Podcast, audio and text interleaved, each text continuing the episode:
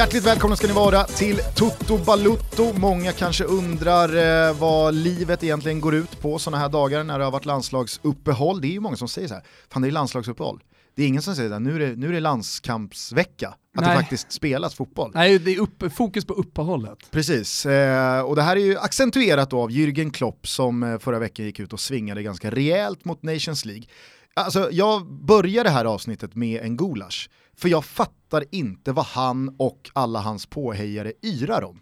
Alltså Nations League eller VM eller EM-kval, det är ju exakt samma mängd. Det, är ett, eh, det är ett break i början på september, det är en landslagssamling i mitten på oktober och sen så är det en landslagssamling till i mitten av november. Är det verkligen det? Ja, Okej, ja men då så. och det är Alltså två, min känsla är att det är precis som vanligt i alla fall. och det är två matcher eh, för eh, de flesta länderna under varje samling. Mm. Ibland är det tävlingsmatch och ibland är det träningsmatch. Precis som det alltid har varit för Sverige och alla andra länder. Har det varit VM eller EM-kval, ja, men då är det så här, ja, men vi har Bulgarien i EM-kvalet och sen fyra dagar senare så är det träningsmatch mot eh, Italien, eller Mm. vad det nu kan vara. Och så rullar det på precis som vanligt. Den enda skillnaden är att nu är det Nations League, tidigare så har det varit i VM eller EM-kval. Så jag fattar inte riktigt vad det är Klopp svingar Mm. Nej, alltså upplägget är ju dessutom jävligt mycket fetare nu i och med att man har gjort A, B, C-grupper som vi har pratat om här också. Alltså varje kväll så är det ju en toppmatch. Igår satt jag och kollade på Spanien-England. Eh, ja, men normalt sett så är det ju nästan alltid då eh, Italien, Moldavien, eh, Spanien, Liechtenstein. eh, Antingen så sitter man och eh, liksom tråkar sig igenom Italiens match mot Albanien där man vet att jaha, Italien kommer göra 1-0 runt minut 74. Eller så ser man Frankrike göra slarvsylta av typ Vitryssland eller så gör Tyskland samma sak med Norge.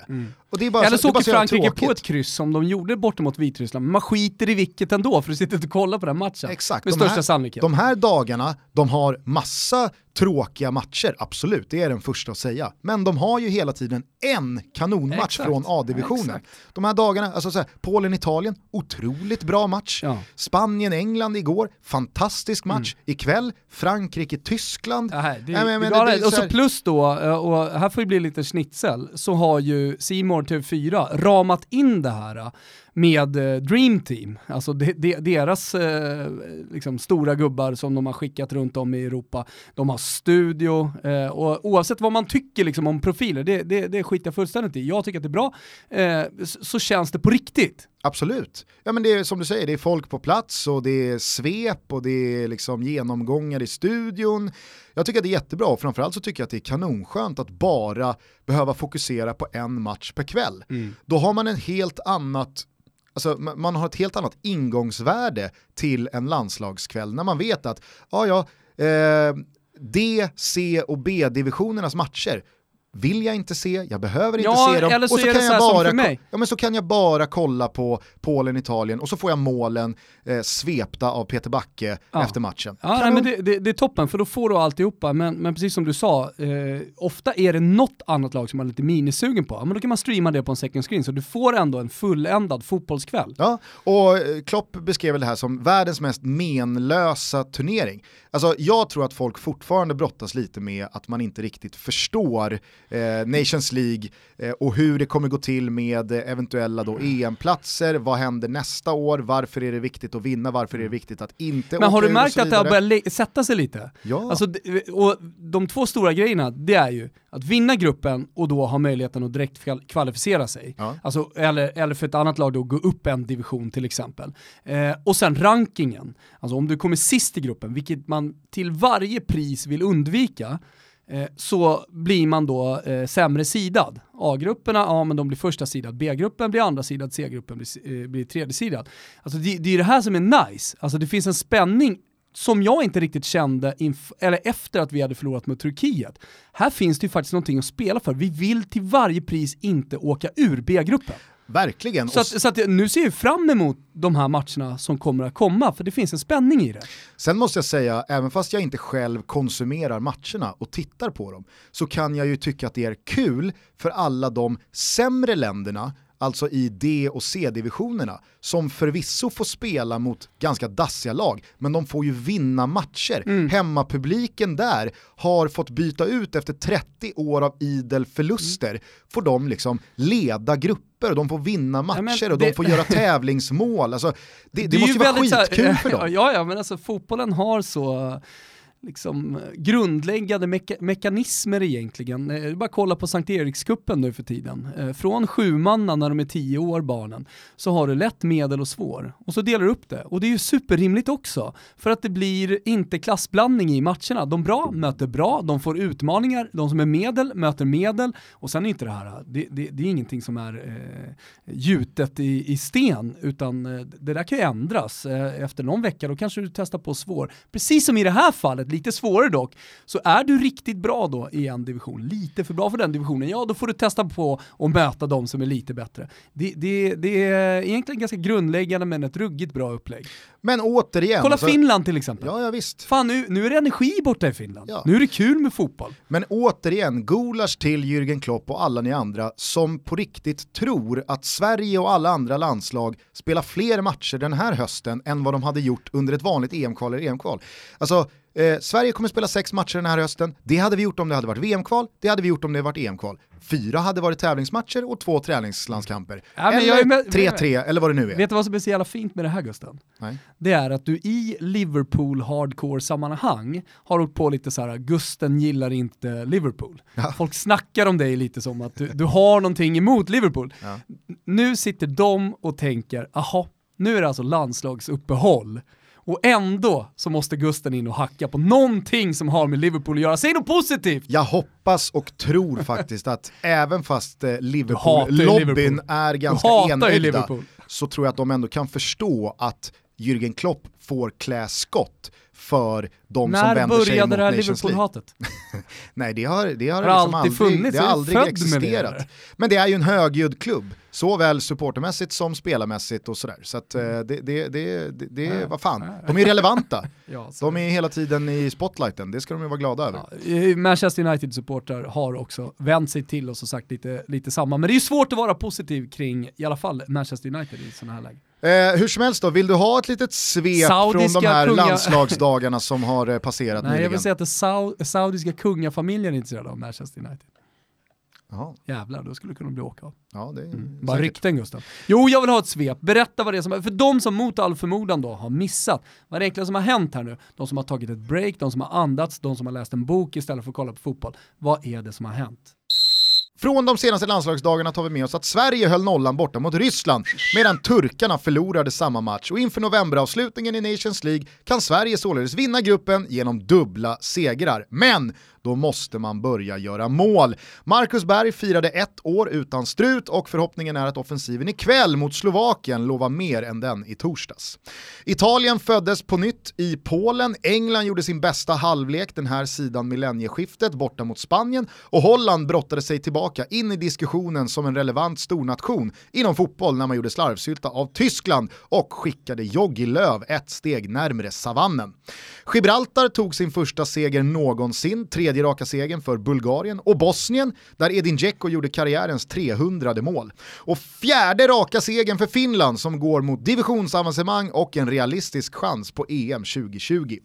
Tyngre för Erik Hamrén och Dennis Island, tredje raka torsken, den här gången hemma mot Schweiz och vulkanen ser mer och mer ut att inta vilande läge.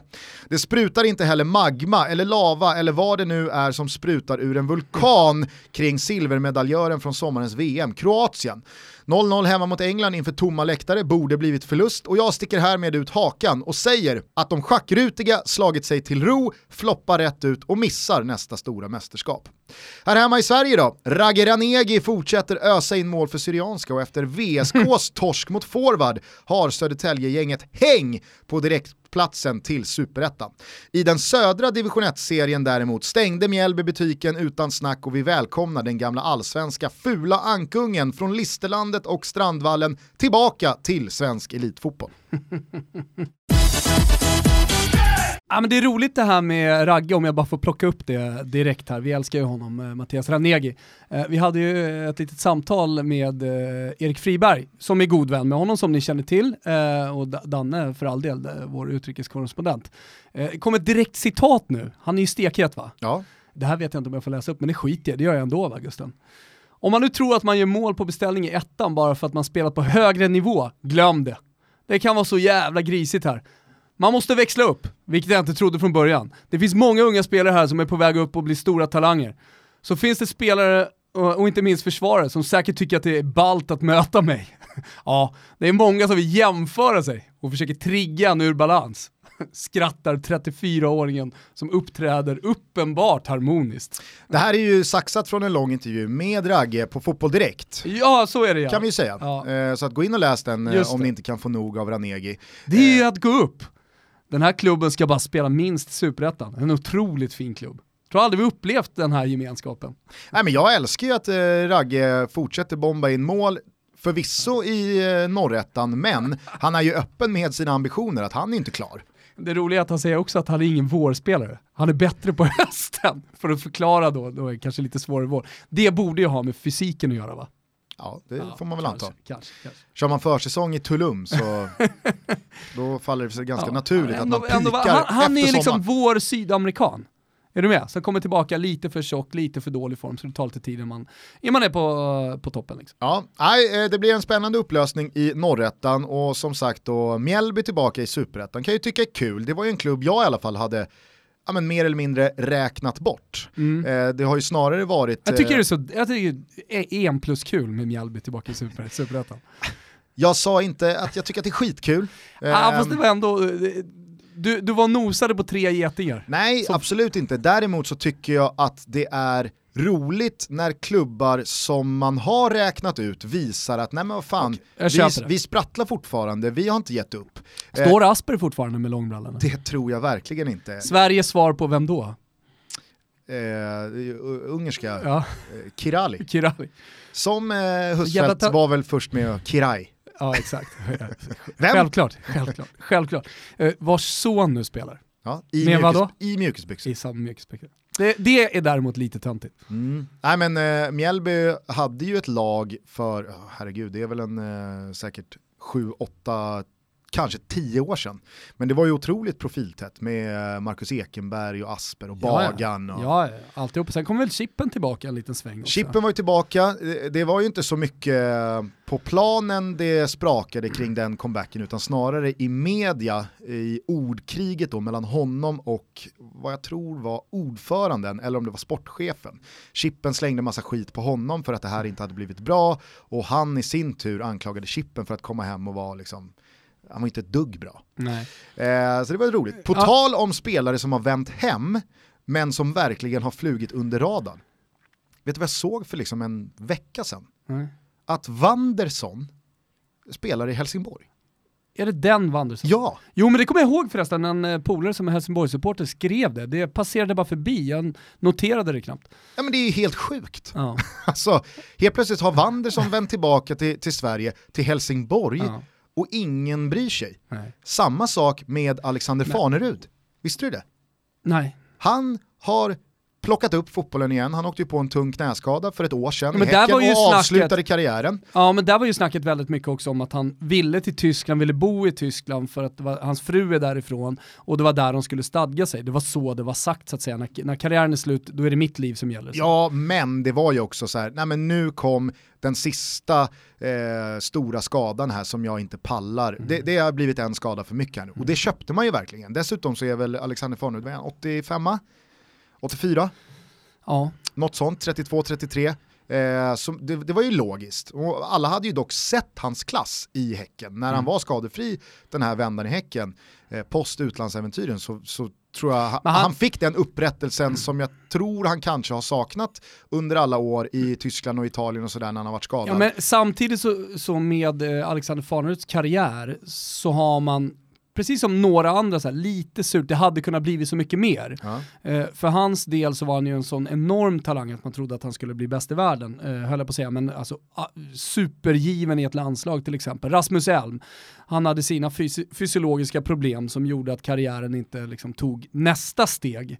Eh, en storliga, storlag. Eh, och sen så nu senast då, eh, såklart Harbusi, som tragiskt eh, gick bort som en av de största talangerna vi har haft, som inte heller riktigt, eh, nu på ett annat sätt, eh, nådde väl eh, inte ens i närheten av sin enorma potential, men, men ändå. Ja, verkligen. Samma generation fotbollsspelare som inte riktigt blommade ut. Nu kommer vi in här på Labbe alltså, i, ett, menar, i, ett, annat eh, typ av segment, då, ja. men eh, fan vad tungt det var när det där beskedet kom. Och, vad, du, vad hade du för relation till honom eh, via Isak på något sätt också? Ja men de, eh, jag, det är svårt att hålla isär vad det var för landskamper, men eh, mm. Labbe 86 mm. och Isak 87 så jag tror att det var någon sån här U19 eller om det var en u landskamp Men det var några läger ja, men det är en, en, en spelare som i alla fall, eh, jag tror alla eh, som följer svensk fotboll är uppvuxna med. Ja, framförallt så tror jag att alla som följde svensk fotboll när Malmö FF tog de första stegen mot att vara den klubb man är idag. Alltså det är ju lätt att glömma att bara för tio år sedan så var ju Malmö FF inte på något sätt den klubben man är idag. Alltså, man hade inte sin arena, man prenumererade inte på massa SM-guld. Eh, den här sidan millennieskiftet så var man i superettan, alltså man mm. var väl där 2000. Och förvisso tog man ju Nej, man guldet väldigt 2004 mycket. men sen så var det ju liksom så här, man, man slarvade bort massa Zlatan-miljoner. Ja men precis, det var... Det, var, det var ju fokus på att man inte eh, investerade Zlatan-miljonerna på rätt sätt eh, och, och, mycket negativt kring det. Ja. Hur man inte hade kunnat ta vara på den, den enorma summa pengar som det ändå var då i svensk fotboll. Nu, nu säljer man ju var och varannan spelare för 40-50 miljoner. Ja, och sen så bytte man ju inriktning där eh, i slutet av 00-talet istället för att gå på de stora etablerade namnen eh, som dels fanns i allsvenskan men också skulle vända hem. Så började man ju gå på yngre, mer närodlade renodlat, Roland Nilsson hämtades in som eh, tränare, stadion eh, öppnade och, alltså, och, i det laget mm. så var ju Labinot Harbutsi, han var ju kronjuvelen, han var ju den här, Sverige hade ju precis haft eh, hemma U21-EM och det var liksom så här Visst, Marcus Berg gjorde massa mål, Ola Toivonen var riktigt bra och där bak eh, fanns Bjärsmyr och mm. Lustig, men det var ju inte alls, på, det var inte, det var inte alls samma buzz kring de spelarna som det var kring Labbe. Nej, nej, exakt, och så gjorde han det första målet på stadion som alltid kommer att bli historiskt såklart också. Ja, så att, det, ja, så var... att han var ju verkligen, för mig, när jag mm, liksom minns tillbaka på Malmö FFs moderna historia så var ju han en central figur i en väldigt, väldigt viktig tid för Malmö FF. Och mm. sen så, nu, nu, är det klart att det, det här väldigt, väldigt tragiska som skedde förra veckan och hans bortgång spiller ju över på kan, alltså man, man, man rycks med och så tänker man, fan, han var så jävla bra mm. och sanningen var väl den att att Labinot Harbutsi inte lyckades det var ju inte någon, eh, det var ingen landsorg kring det. Samtidigt så blir det ju oerhört tragiskt nu när han går bort och man minns allt som var bra och då kommer de här, jag tror att jag och många andra känner starkare nu att fan vad tråkigt att det aldrig blev, något, alltså blev någonting större av Labbes karriär än vad det blev, än vad man har gjort hittills. Nej, precis. Så blev det ju eh, ganska starkt också att han och Erik Niva precis hade haft eh, ett så här, ja, en liten minichatt på Instagram Eh, där eh, Erik Niva då, som säkert de flesta som lyssnar på podcasten följer på Instagram, eh, han, han kör ju Jag är och så då en spelare som eh, eh, har haft en tuff uppväxt, eh, som, inte alltid, som det inte alltid har varit självklart att, att det ska bli en stor fotbollsspelare, men, men som har krigat väldigt mycket. Och eh, då blev det då en sån här klassisk Jag är med Labbe, varpå han svarade. Och de, eh, som Erik skrev i en väldigt fin text, som man kan läsa såklart på Aftonbladet, ja, mer eller mindre stämde träff med Labbe och han, han menade på att han, karriären fortsätter. Jag ska ner på en plan igen. Ja, det sista är inte uträttat på en fotbollsplan. Och nej, så att, nej. Äh, men, och, och, och, där måste jag säga, alltså, eh, den här episodens schnitzel då tycker jag liksom ska gå till, återigen då, fotbollsfamiljen, mm. om man får använda eh, det väldigt slitna uttrycket, om att sorgen inte har några färger, att eh, alla verkligen visar sin respekt och sitt medlidande och sitt deltagande i den här sorgen på ett väldigt fint sätt. Jag tycker Malmö FF har skött det jättefint Mm. och man blir ju verkligen berörd av alla bilder från stadion där det ligger massa blommor och ljus tänds och tröjor. Och, ehm, Sverige spelar väl ikväll eh, med Mm. sorgeband och nej, jag, jag tycker att det har varit väldigt, väldigt värdigt och, och jag, jag blev väldigt, eh, väldigt medtagen och berörd av det här och fan vad tråkigt det var. Alltså. Ja, no, och det, det blir ju sådär vad skört ett liv är såklart. Men vad skör en karriär är har jag tänkt en hel del på. Alltså när han spelade i Turkiet i, eh, eh, vilket lag var det? Ja, ett, ett, ett, ett mindre, men, men när han spelade där eh, så ville ju alla de stora eh, turkiska lagen, jag vet att Galatasaray var superintresserade av honom, alltså hans karriär var på väg uppåt. Eh, men, och han ville ju såklart dit. Eh, det är i alla fall vad, vad, vad jag har förstått liksom, av hans karriär. Varpå det blev lite frysbox eh, och sen så tog, tog det aldrig fart riktigt igen. Så vad hade hänt om det var en annan president som hade släppt honom direkt, han hade kommit till Galatasaray, gjort mål i debuten, men är du med? Ja men sen så Det har väl, alltså det, så här, det är så det- skört liksom, det- spe, men speciellt för, för vissa typer av fotbollsspelare såklart också är det extra skört. För vissa typer av människor menar jag egentligen. Ja, ja eh, och sen så känns det väl Liksom, det, det känns väl märkligt att, att sitta och prata om i, i ett sånt här avsnitt så kort in på hans eh, tragiska bortgång. Men i just fallet Labbe så var det ju också alltid så att det kanske inte var någon skada emot eller en tränare som inte trodde på honom emot eller en president som hade tänkt annorlunda. I fallet Labbe så var det ju alltid så här, det här är den största talangen vi har, men han kanske själv inte heller eh, hade pannbenet eller eh, Ja. karaktären att maxa sig själv utan det gick emot lite och så fejdade han ut till att det inte blev Nej. ens en bråkdel av vad det hade kunnat bli. Så var ju, och så är väl också fortfarande den etablerade bilden, men däremot så tycker jag att det är så jävla fint då att i en sån här stund av sorg eh, och trots att det har gått ganska många år, att så många stora spelare i det här landet alla vittnar om samma sak, att det Mm. är den största talangen man någonsin har spelat med eller Mm. emot och det var liksom en fantastisk eh, kille och person Mm. och spelare på planen. Jag tycker han har fått väldigt, väldigt Ja, men han, har, han, han har fått sån jävla fin bild etablerad av sig, tyvärr då, då på Mm. den andra sidan livet. Mm. Nej, verkligen. Eh, så att, nej, eh, vila i frid Labinot. Jag vill bara återigen, eh, eller återigen, jag vill bara knyta ihop säcken då, eh, tillbaks här till Helsingborg då med de här spelarna. Ja, Att eh, där är det ju nu så att vi har Wanderson, Alexander Farnerud, Granqvist, Per Hansson, profiltätt alltså. Rasmus Jönsson är tillbaks där också och jag ser ju inte Helsingborg missa ett avancemang upp Mm. till allsvenskan. Eh, det är väl så gott som klart. Men, eh, Ja, men det där laget, finns det ju, det- det- jag, jag är med, alltså där, där, där finns det ju spelare som uppenbarligen liksom har ehm, gått den extra milen för att hjälpa en klubb som har behövt hjälp. Eh, Det man inte har sett till exempel i IFK Göteborg, där har det mest varit snack hittills. Mm. Nej, men, och sen, och sen, sen blir jag lite glad att det ofräscha har blivit fräscht igen. Mm. För jag är lite, jag ska inte säga, jag är inte trött på det, men det är så många eh, det är så många nykomlingar de senaste åren från Superettan som har kommit upp i Allsvenskan med relativt okända trupper, men de har tagit sig dit på ett spel som är Mm. liksom, ja, det är framtidens fotboll, det är unga tränare, och här Nej, men Jimmy Thulin J Söder är Ja ett men exempel. här, alltså, J Södra, Östersund, Mm. Dalkurd, AFC, det finns hur många exempel som helst eh, på eh, lag som då med små resurser har eh, spelat sig igenom superettan och nu inte ska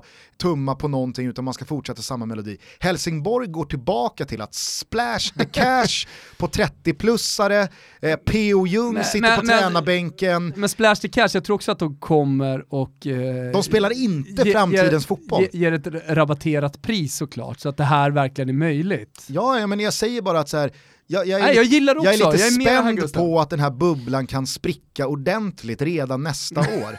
Det är namnstarkt, det är massa landskamper, det är Guldbollen-vinnare och det är liksom, Helsingborg är tillbaks, vi Ja, spelar fan- inte framtidens fotboll. Jag, jag, håller, jag håller helt med dig, alltså, jag hoppas att det går bra så inåt helvete, att de eh, till och med kan gå upp och hota om ett SM-guld nästa år, att alla de här spelarna väljer att göra en ruskig jävla vinter, och skiter i semester och alltihopa och bara tränar. Och är, ja, men tänk om alla de här spelarna spelar sin, jag ska inte säga livsfotboll, men att de i alla fall närmar sig sin topp. Ja. Och för att sy ihop säcken ännu mer här, Fan, ska vi- är det kanske Helsingborg som borde rycka Ragge? Uh. Uh. Alltså Ragge och Rasmus Jönsson på topp, allsvenska 2019. Alltså, ge mig. Alla som kollar känner så här, är det 2011? Ja, jag Nej, det är 2019. Men vi kör på. Vi- Det har funkat en gång, det borde funka igen. Ja, nej, varför inte? Vilka är det där bak? Ja, det är Per Hansson och Andreas Granqvist. Håller de än? Ja. Ah, Det borde de ju göra. Ja, ja. Och sen har vi tagit in Wandersson och Alexander Farnerud. Och, Ja. Alltså, man vill ju bara att Mattias Lindström gör comeback. Ja, ja, om jag hade spelat i Allsvenskan skulle jag inte vilja möta det laget på Olympia i alla fall. Nej men jag tycker bara att det, det, är liksom här, det är en ofräsch, fräsch fläkt. Mm, nej, bra. Ja. Så att eh, det, jag, är, jag är peppad på eh, Helsingborgs vad IF till Vad eh, härligt. 2019. Jag Där. Eh, om, om Hur går det för bara, Gais förresten? det går ju tungt. Andy Bengtsson är ju, är ju där, eller han har ju varit där och Ja, följt offside dem. och följer ju jag nära vet. hela säsongen. Jag vet, och det, det började ju som som jag upplevde det i alla fall, väldigt optimistiskt. Ja, alltså det var ju herregud, såklart de vann ju sin, jordnära... De vann ju sin eh, Svenska cupen-grupp med Elfsborg och Hammarby. Ja men det var så allting började, men det var fortfarande så här, ja men gräs, man kunde känna gräset i de här, gräslukten i de här reportagen som Bengtsson gjorde. Men så, det var, det var ju någonting, jag såg i alla fall framför mig så här, fan vad häftigt, nu kanske man ska följa med guys då, en framgångssaga genom hela superettan på väg upp i, i eh, allsvenskan. Och istället så blev det ju att eh, hänga kvar. ja, Men- verkligen. Nej, men, eh, framförallt så, så hade ju Gais och har ju fortfarande, men eh, i en ganska så namnsvag spelargrupp så kom ju då tränare Bosko Orovic Ja, som eh, liksom, den, den perfekta huvudrollsinnehavaren. Han är, Är det han motsatsen har- till han har en- Helsingborg det här då? Han har en story, eh, han är frispråkig, han står, alltså supportrarna älskar honom och han står för en fotboll som ändå får klassas som eh, fräsch. Ja. Jag känner bara så här, fan vad fint att det ofräscha ändå sprattlar till liv här och visar att det, det, det går. Ja. Har du sett några Helsingborgsmatcher den här säsongen? Eh, eh, Jag har, Mycket nej jag har sappat. eh, Det är knock it kommer long förbi. Vi alltså. hade ju, du och jag hade ett gemensamt Smäll överspel så- skulle jag vilja säga. Eller om det var Helsingborg, nej vi hade nog Helsingborg rak eh, i någon match. Och så då, då kom jag ju in där. Mm. Nej men du vet, jag, jag ska eh, direkt säga, jag inte, nu kanske en massa Helsingborgs-supportrar som vill att HIF spelar längs backen och spelar liksom en, en Är det det ultimata att spela framtidens fotboll? Har alltid varit sedan eh, totalfotbollen 1970. Eller kanske tidigare än så ändå. Eh, Il Grande Tore, jag vet inte hur långt man vill gå tillbaka.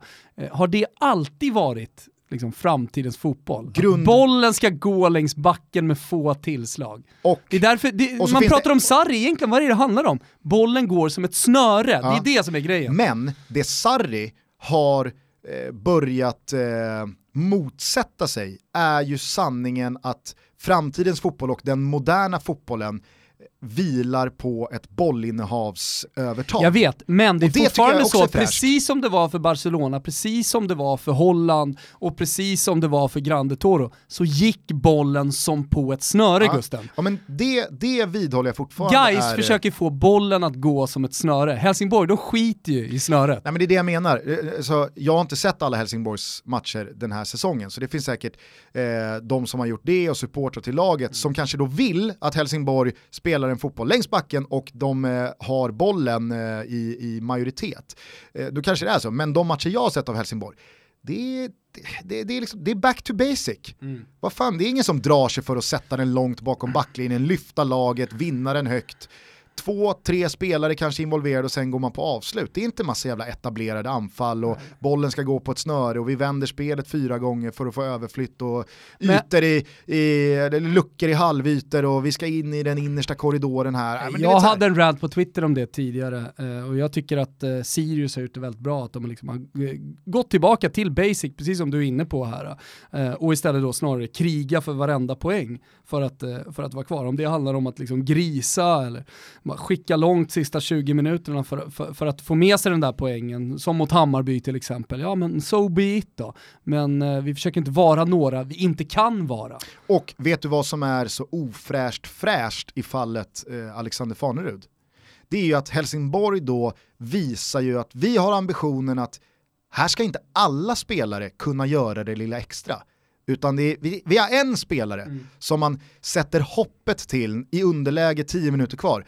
Hoppas Fanerud gör det där lilla extra som inte alla kan göra. Gillar det. det. Ja men det är så gärna många, alltså i den moderna fotbollen och i de eh, liksom, kanske yngre tränarnas filosofier så har jag i alla fall bilden av att 6, 7, 8 spelare ska kunna bryta mönster, göra det oväntade. Mm fan jag vill tillbaka till fotbollen där varje lag har en, max två gubbar som kan göra det oväntade och bryta mönstret och stå för en individuell prestation som eh, gör en eh, kvittering eller vinner en match. Inte liksom såhär, jaha idag var det den spelaren som gjorde det och idag var det den spelaren. Man vill ha Fan en... vad man ser framför sig nu. En ganska statisk Ragge, men med Farneruds otroligt fina vänsterdoja. Bara liksom skicka bollar på hans panna, visst är det en vänsterdoja? Som han sitter inne på Farnerud. Mm. Satt han ändå i, i stort sett de flesta matcherna i Toro, visst är det en vänsterdoja. Ove Andersson som bara liksom river upp försvaret och så, så blir Ragge ren och bara kan eh, knoppa in den. Ja. Ja, ja, ofräscht fräscht, verkligen. Mm. För några veckor sedan så tog ju du och jag rygg på Stefan Johannesson och hakade på honom under Stockholmsderbyt mellan AIK och Hammarby. Det var jävligt kul. Ja, det var roligt och också en liten ögonöppnare om hur svårt det är att ställas inför den uppgiften att döma ett derby som har så mycket känslor i, eh, i eh, ett slutskede av allsvenskan. Precis, och det här var ju vårt första steg i Stefans utmaning. Try walk in my shoes. Mm. Försök att ta dig igenom en dag i mina skor, alltså för er som inte kan engelska.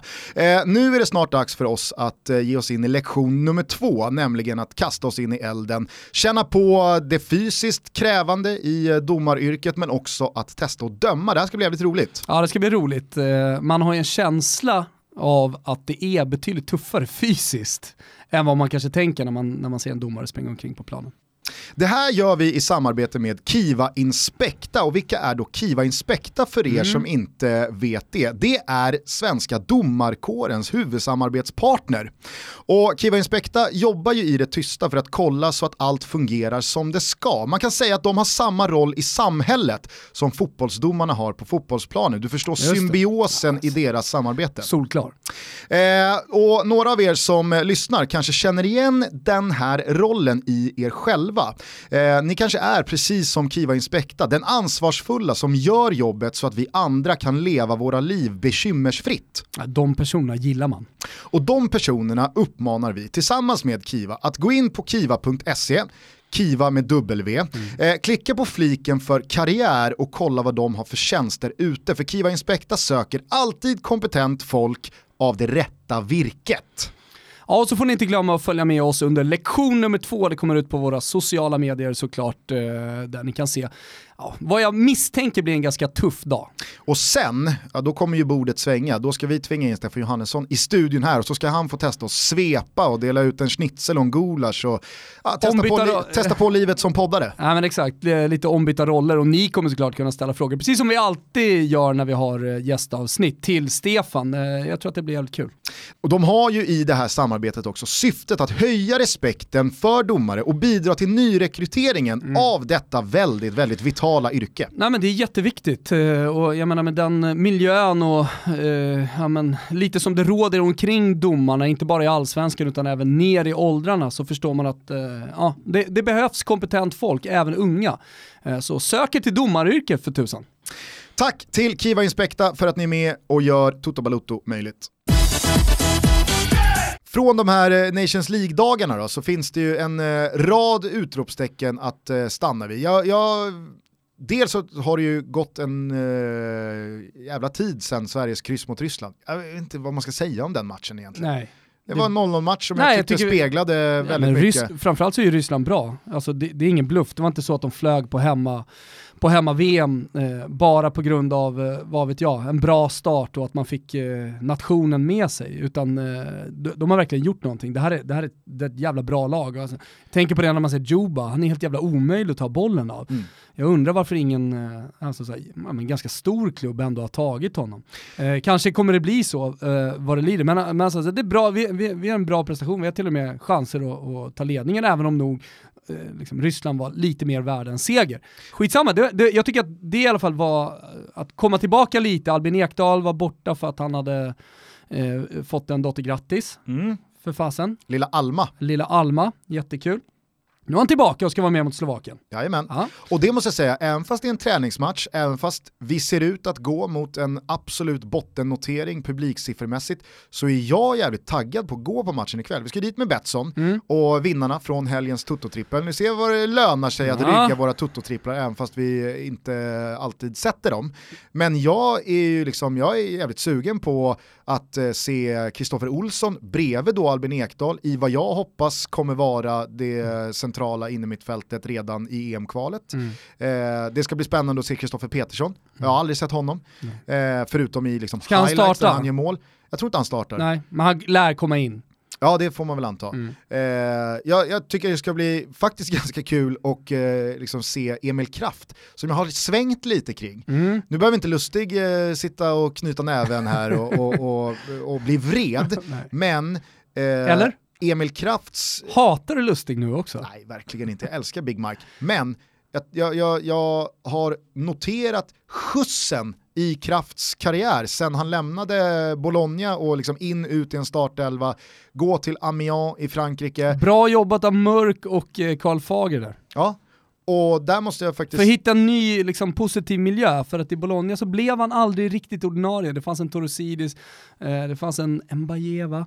Eh, som Ingen skam att eh, inte kunna brotta ner Det Torosidis. är det visserligen inte, det har du rätt i. Men eh, att hitta den här miljön i alla fall, när, när man såg klubbvalet så tänkte man, "Jaha, vad ska det bli av det här då? Och så har han, tillsammans med Saman Ghoddos då, varit de stora utropstecknen. Mm, verkligen. Nej, så att jag, jag är faktiskt eh, laddad på kvällens match och det ska vi väl säga för de som eh, inte riktigt har koll på det, som jag upplever ganska många, att avsparkstiden 2045, en tisdag för en träningsmatch mitt i oktober i Stockholm, är ju inte förbundets beslut, Nej. utan det är helt och hållet Uefas beslut. Mm. Hade man kunnat så hade man garanterat lagt den 19.00. Mm. Men man har eh, ingått ett avtal med Uefa som, eh, det, det går inte att rucka på den här Nej, avsparkstiden. sen, sen tycker jag faktiskt att eh, man borde riva upp det här med att man har en nationalarena som man alltid spelar sina matcher på. Eh, jag vet att många andra länder har, har på det sättet, jag menar så här, har du Wembley som alltid fylls oavsett, nu vet jag inte om det gör det, men jag kan tänka mig att det nästan i alla fall alltid fylls. I London som är en stad med 12 miljoner invånare eller vad det är. Det är väl inget konstigt.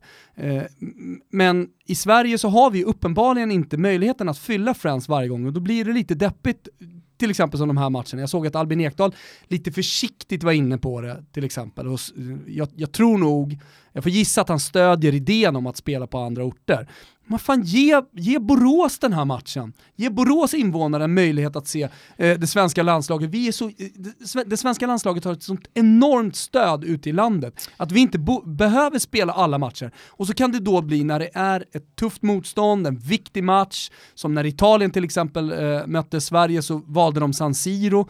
Veckan innan så hade de varit i Florens där det är liksom lite mindre arena, lite mindre verklighet.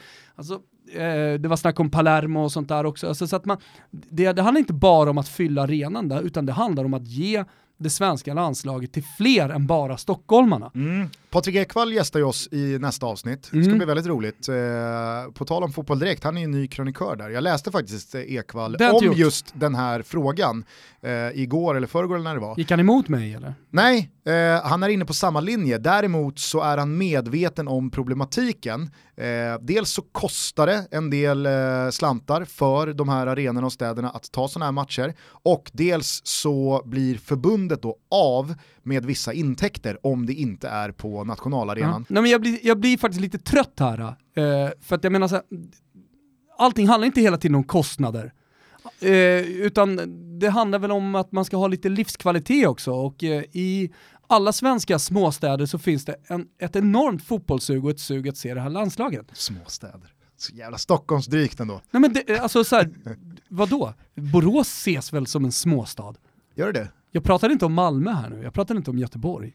Det är väl en mindre stad i Sverige? Mindre stad, men jag tror inte Borås faller under kategorin småstad. Äh, ah, ja. Alltså små... Sorry då! Jag vet att Borås älskar mig ändå. eh, nej men, eh, en annan viktig aspekt då eh, som Ekvall tar upp, det är ju att det är ju helt uteslutet för landslaget att lägga det här på en arena med konstgräs. Så, eh, alltså, således så faller ju Borås bort och många andra eh, Ja. arenor som har konstgräs. Eh, han är ju inne på att Malmö och Göteborg, det är inte värt för dem att ta de här eh, landskamperna.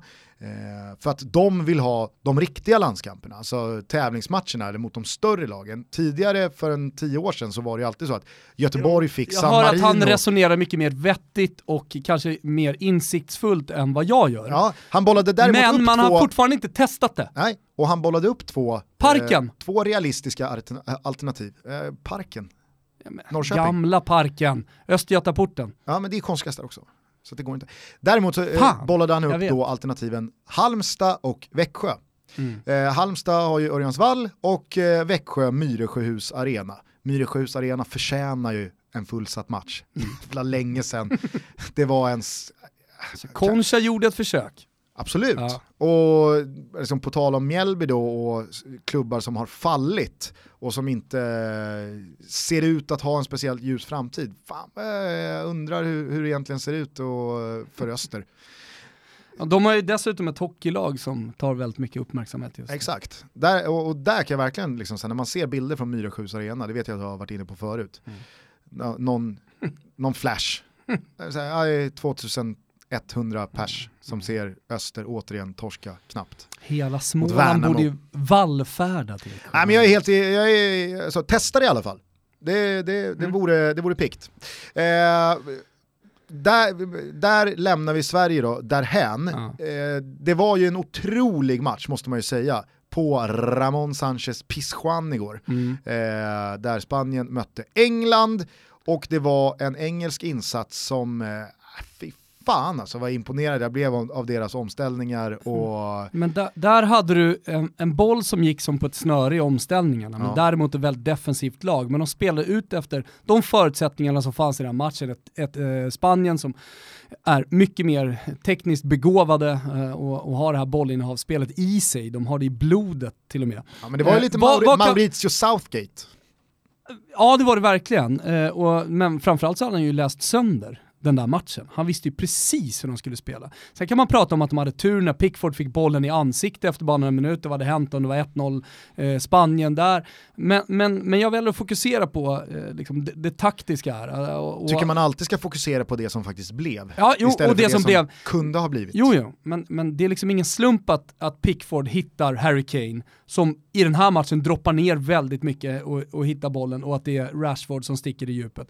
Alltså allting var planerat, som Sickan skulle ha sagt, in i minsta detalj. Mm.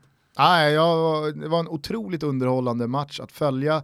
England sylvassa framåt och att se det här Spanien som kommer från en, var det 6-0 eller 6-1 mot Kroatien i första rundan. Alltså som man kände så här, Luis Enrique går in här och får fart direkt och Spanien känns revanschsugna och de känns hungriga och det känns verkligen som generationsväxlingen den här gången är på riktigt. Alltså Iniesta är inte längre navet, eh, Piqué är inte längre centralgestalten där bak. Eh, det, det är inte eh, längre en anfallare som är trubbig Nej. där framme. Nej men för många tror jag, eh, för många svenskar, men för, för liksom den breda fotbollspubliken så var det lite nya ansikten. Ja, att se ja. Johnny i landslaget, spelar i Wolverhampton till vardags. Nej, men eh, en, en del namn som inte riktigt har satt sig än som spelare som är på den absoluta toppen. Sen är det ju faktiskt helt sjukt vad Paco Alcacer är inne i för eh, zon. Ja. Alltså jag tror jag läste att han gjorde eh, sitt tionde mål på sitt tionde avslut igår. Mm. Alltså han har gjort 10 mål på 6 framträdanden och då är typ fyra av dem inhopp. Mm. det är så, det är raggernivå på grejerna. Alltså. Det är så jävla stört eh, facit och sanslös utdelning alltså. Ja. Nej, men jag, jag, tyckte matchen hade liksom det mesta. Eh, och jag tycker också att en match ska innehålla så kontroversiella domslut. Det är helt sjukt att mm. eh, Spanien inte får straff när mm. Pickford eh, kladdar på bollen där, tappar den mm. och river ner, det är väl Rodrigo va? Mm. Eh, att det inte blir straff där utan att han klarar sig och det är ett par tuffa tacklingar från både Maguire och mm. eh, Eric Dyer. Och, ja, men det är liksom ett furiöst ja, alltså, jagande Spanien där som måste man ju också på. Ge, där måste man ju också ge Nations League, eller Uefa i det här fallet då, rätt. Uh, för att alla de här stora matcherna som har spelats har det funnits jättemycket nerv. Vi har två lag som är hypermotiverade, ibland under de här EM-kvalmatcherna som har varit. Så, så, så, går man in lite med vänsterdojan för man vet att man vinner ändå. Alltså det här är ju stora matcher, jag ska inte säga att det känns som VM, men det är på riktigt när det är Spanien mot England.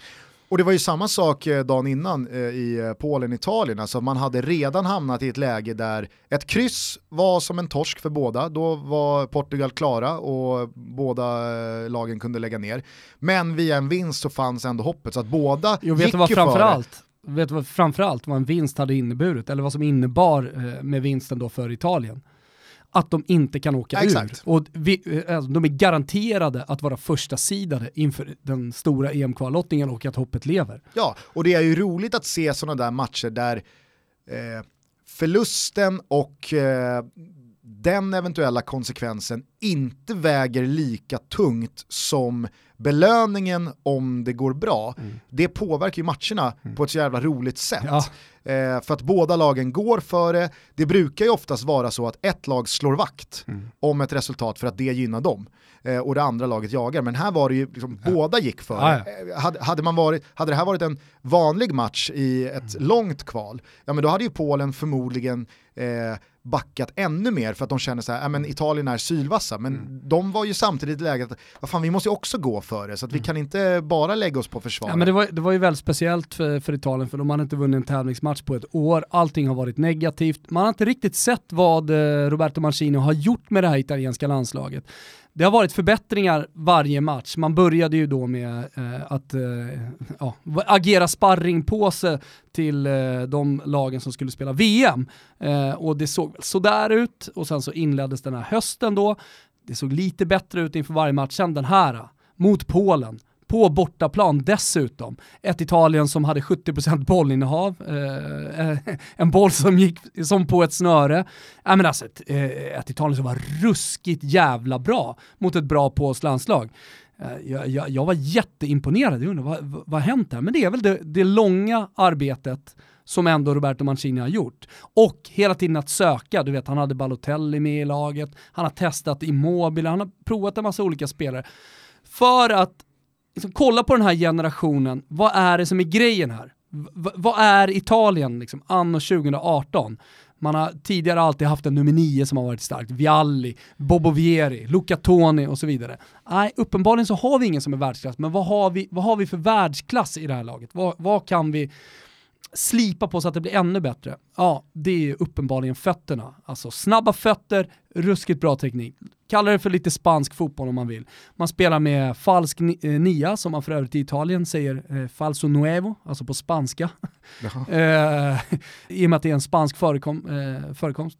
Och med Kesa på ena kanten, eh, ja, Insigne då i någon slags ny roll och sen så ett mittfält med både Marco Verratti som satan vad han är tillbaka nu, Marco Verratti efter en tid verkligen i skuggorna sådär, eh, en spelare som man har trott mycket på, som man nästan har glömt bort, eh, man undrar vad det ska bli. Nu har han varit jättebra i PSG och briljant i den här matchen. Jorginho bredvid, vad är han? Jo, fötter, teknik, hjärna, spelförståelse. Så ja, det, det, här är, det här är ju ett italienskt landslag, ge, och jag vet att många säger ja men nu, nu kanske Runkan Wilbacher igång igen, men det, det, här är ett landslag, kolla på det, som man verkligen kan njuta av att titta på.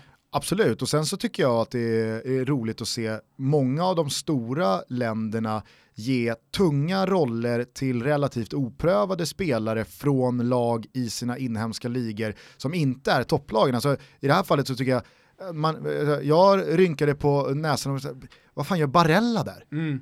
Från Cagliari. Vad är han, 21? Ja, men alla vill ju ha honom. eh, Så här, Inter är väl de som är närmst just nu. Eh, Han gjorde en magisk fjolårssäsong i, Kal i Kaljer och har inlett den här säsongen strålande. Men ser du, där finns det karaktär, där finns det skalle. Ja, och jag tycker att- Förutom fötter och spelförståelse och allt det där som han också sitter inne på. Nej, och jag tycker att liksom Spanien går... Vågar ta skott, kolla på Chiesa som också kommer in eh, 20 bast, liksom är ny i det här landslaget med all press som finns, mycket negativt i Italien, eh, alla blickar på sig, vågar ta skott även om det blir lite fel, ja, men ta nästa skott också, går en mot en, Eh, det, det, det är häftigt att se. Det, det är lite som Fiorentina, eh, Fiorentinas lag, det är totalt respektlöst. Nej, men jag ty- alltså, Det det, det, det, är- inte bara Italien som har gått åt det hållet. Jag tycker liksom, Spanien har tagit sig bort från det här att aha, vi har fem spelare från Real Madrid och fem spelare Ja. från Barca och de ska spela i landslaget för att de spelar i Real och Barca. Mm. Man har börjat blanda upp med spelare som passar rollen eller passar det spelsätt som eh, förbundskaptenen vill åt mycket bättre. Sen om de spelar i Wolves eller om Mm. de spelar i Villarreal eller om de spelar i Celta Vigo så får de väl göra det. Mm. De ska in i landslaget. England, Southgate, samma sak. Alltså, där spelar en Harry Winks och man eh, ger chans... Startar borta Ja, mot Spanien. Exakt, och, och man eh, ger chansen till eh, 19-20-åringar. Eh, Mm. man, eh, Ja men Ross Barkley, alla vet ju om att det, det är en spelare med, med en bra högerfot och, och eh, fortfarande faktiskt eh, har väl sina bästa år framför sig. Men, Ja. men passningen fram till Harry Kane som sen lägger in den till Sterling, alltså, det är ju Pirlo. Absolut, och sen så har det ju framförallt Så kanske i- åt det med. defensiva hållet så har det ju varit så att jaha nej men vad fan det är väl klart att eh, Chris Smalling och Phil Jones ska vara mittbackspar i det engelska landslaget för de spelar i Manchester United. Nej, då är det så här, nej men eh, Harry Maguire spelar i Leicester och Joe Gomez, eh, han har börjat spela mittback här nu i Liverpool igen. Det är vårt eh, mittbackspar. Ja. De ska spela där. Det känns, eh, det, det, det, det är fräscht. Så ja, Det där är fräscht, Trent till höger sen också, alltså det är ett ruskigt fint landslag. Ja, nej, så eh, det, det var riktigt eh, fina matcher. Från den här Spanien-England-matchen tar jag också med mig det. Där var jag lite så här, där rynkade jag också på nästan. Eh, när Gareth Southgate i slutet på matchen byter in eh, Nathaniel Chaloba från Watford. Så jag så här, okej, vad har Chaloba uträttat senaste halvåret som gör att han har blivit en man för A-landslaget och ska in i en tävlingsmatch borta mot Spanien? Eh, Gareth Southgate var ju eh, U-förbundskapten tidigare och vad jag har förstått väldigt då eh, kär till Chaloba, använt honom mycket och det verkar vara en personlig favorit. Må så vara, men många uppmärksammade mig också då på när jag frågade om det här på Twitter, att Chaloba hade möjligheten att välja eh, Sierra Leones A-landslag tror jag. Och de eh, sprutar väl inte ur sig Premier League-spelare får jag anta.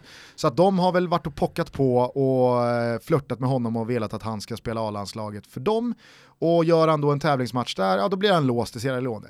Jag tror, liksom utifrån det här, jag, jag tror att Southgate, på tal om då den moderna fotbollen, alltså den moderna landslagsfotbollen, det är ju de här situationerna förbundskaptenerna kommer ställas över. Och jag tror att Gareth Southgate då helt enkelt valde att kinga Chaloba.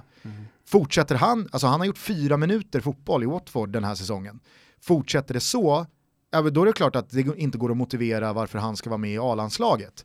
Men då är han låst till England och då kan man ju tycka att det är, det är lite taskigt mot en spelare som då eventuellt går Hans miste eget beslut om... också. Ja, såklart. Och jag tror att det går faktiskt idag att ha den dialogen med spelare. Att Uppenbarligen. Jag, jag kan inte lova dig någonting i framtiden, du kommer givetvis behöva prestera för att vara en man för Men jag älskar dig. Men jag vill heller inte riskera att du om ett halvår väljer Sierra Leone och sen Nej. så säger det pang i Watford eller i en annan klubb och Nej, så men- går vi miste om dig. Det är ju det, är ju det här som är väldigt aktuellt i det svenska landslaget Mm. och inte minst då för ett år sedan med Saman Ghoddos. Att Janne var så här, men jag kan inte lova honom någonting. Nej. Nej, vi fattar, men du kanske, man, man kanske då skulle varit så pass cynisk för att så, så ser det ut idag. Ja. Snacka med Saman Ghoddos då. Mm. Vad vill du? Vill du spela för Iran för att nu är de klara för ett eh, VM och jag fattar att det lockar. Men han är lite låst där Janne tyvärr. Jag tror att det verkligen är någonting som man som förbundskapten idag, inte bara för Sverige utan för andra länder också, behöver fatta att är det så jävla hemskt att låsa spelare då? Mm. Att vara så cynisk? Jag tror att det är, det är en nödvändighet och jag är helt övertygad om att det var den stora anledningen till att Chaloba fick hoppa in igår för England. Att nu är han låst till England. Sen så är det noll garantier att han kommer spela EM-kvalfotboll för England 2019. Men då har i alla fall inte Gareth Southgate det här orosmolnet hängandes över sig att fan tänk om han lockas av Sierra Leone tillräckligt mycket och så hoppar han in en match där eller startar en match där och sen är det över, sen är det kört. Kolla på Saman Ghoddos nu. Han hade varit dundergiven Ja, i A-landslaget. ja, självklart, alltså dundergiven. självklart, Och det hade varit en spelare med åldern framför sig. Nej, Jag tycker att de har gjort bort sig där. Ja, och det är ju där jag menar att jag tror att, eller precis som du är inne på, så här, testa i alla fall att köra en sån här landskamp på Örjansvall eller eh, på Myresjös arena, så får man väl ta det därifrån. Mm. Testa att sätta er ner med en Saman Ghoddos-figur. Nu Ja, är- eller Gagliolo i det här fallet. Åk Nu- ner, träffa honom, sätt dig ner, snacka med honom. Nu har det tåget gått i fallet Saman Ghoddos, men testa att säga så här. jag kan inte lova dig någonting, det kan man ju inte med någon. Eh, och du kanske inte kommer starta eh, de kommande tre landskamperna. Men jag vill heller inte förlora dig till Iran. Nej. Så att jag, jag skulle vilja, eh, liksom, om du committar dig till Sverige och gör dig svensk, Mm. eh, så liksom, då visar ju du vart din ambition är att spela landslagsfotboll. Och gör du då det tillräckligt bra, ja men absolut. Så därför så, så ger jag dig ett inhopp här eller en match, ja, så låser vi dig till Sverige. Mm. Testa! Mm. Kan, då kanske spelaren säger "Ja, “fuck you, jag, jag, vill ha garantier”. Då kan man ju som tränare eller förbundskapten säga. “ja men så funkar det inte”. Så att, ja, det, det var bara en sån här grej jag tog med mig från, eh, från, från gårdagen.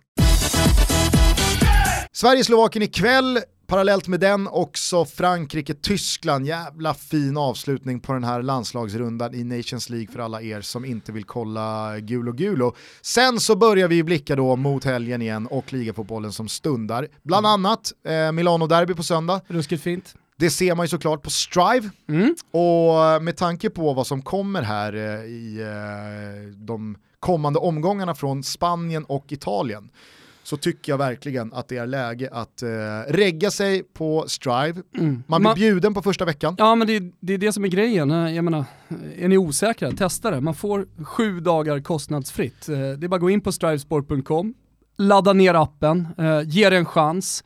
Eh, om inte annat så får ni se ett fantastiskt eh, Milano-derby med, stora, med stor sannolikhet. Två lag som verkligen just nu är, eh, är på uppgång och eh, krigar om de här Champions League-platserna. Och om en vecka då eh, får haka på och, och också eh, st- streama upp eh, El Clasico. Exakt. Jätteläge. Eh, Strive bjuder alltså på första veckan, sen så är det 79 spänn i månaden och det är ingen bindningstid. Nej. Så jag tycker verkligen inte det är någonting Ja, att vänta på. Jag måste säga det, alltså, jag har ju bundit upp mig för ett år. Signar man upp idag, ja, då får man 12 månader framöver för en femhunka. Det är ju också en löjligt bra deal om man då börjar i sitt huvud att fundera på vad andra, andra fotbollstjänster kostar. Ja. Så att eh, vila inte på hanen, missa inte Milano-derbyt bland annat på söndag.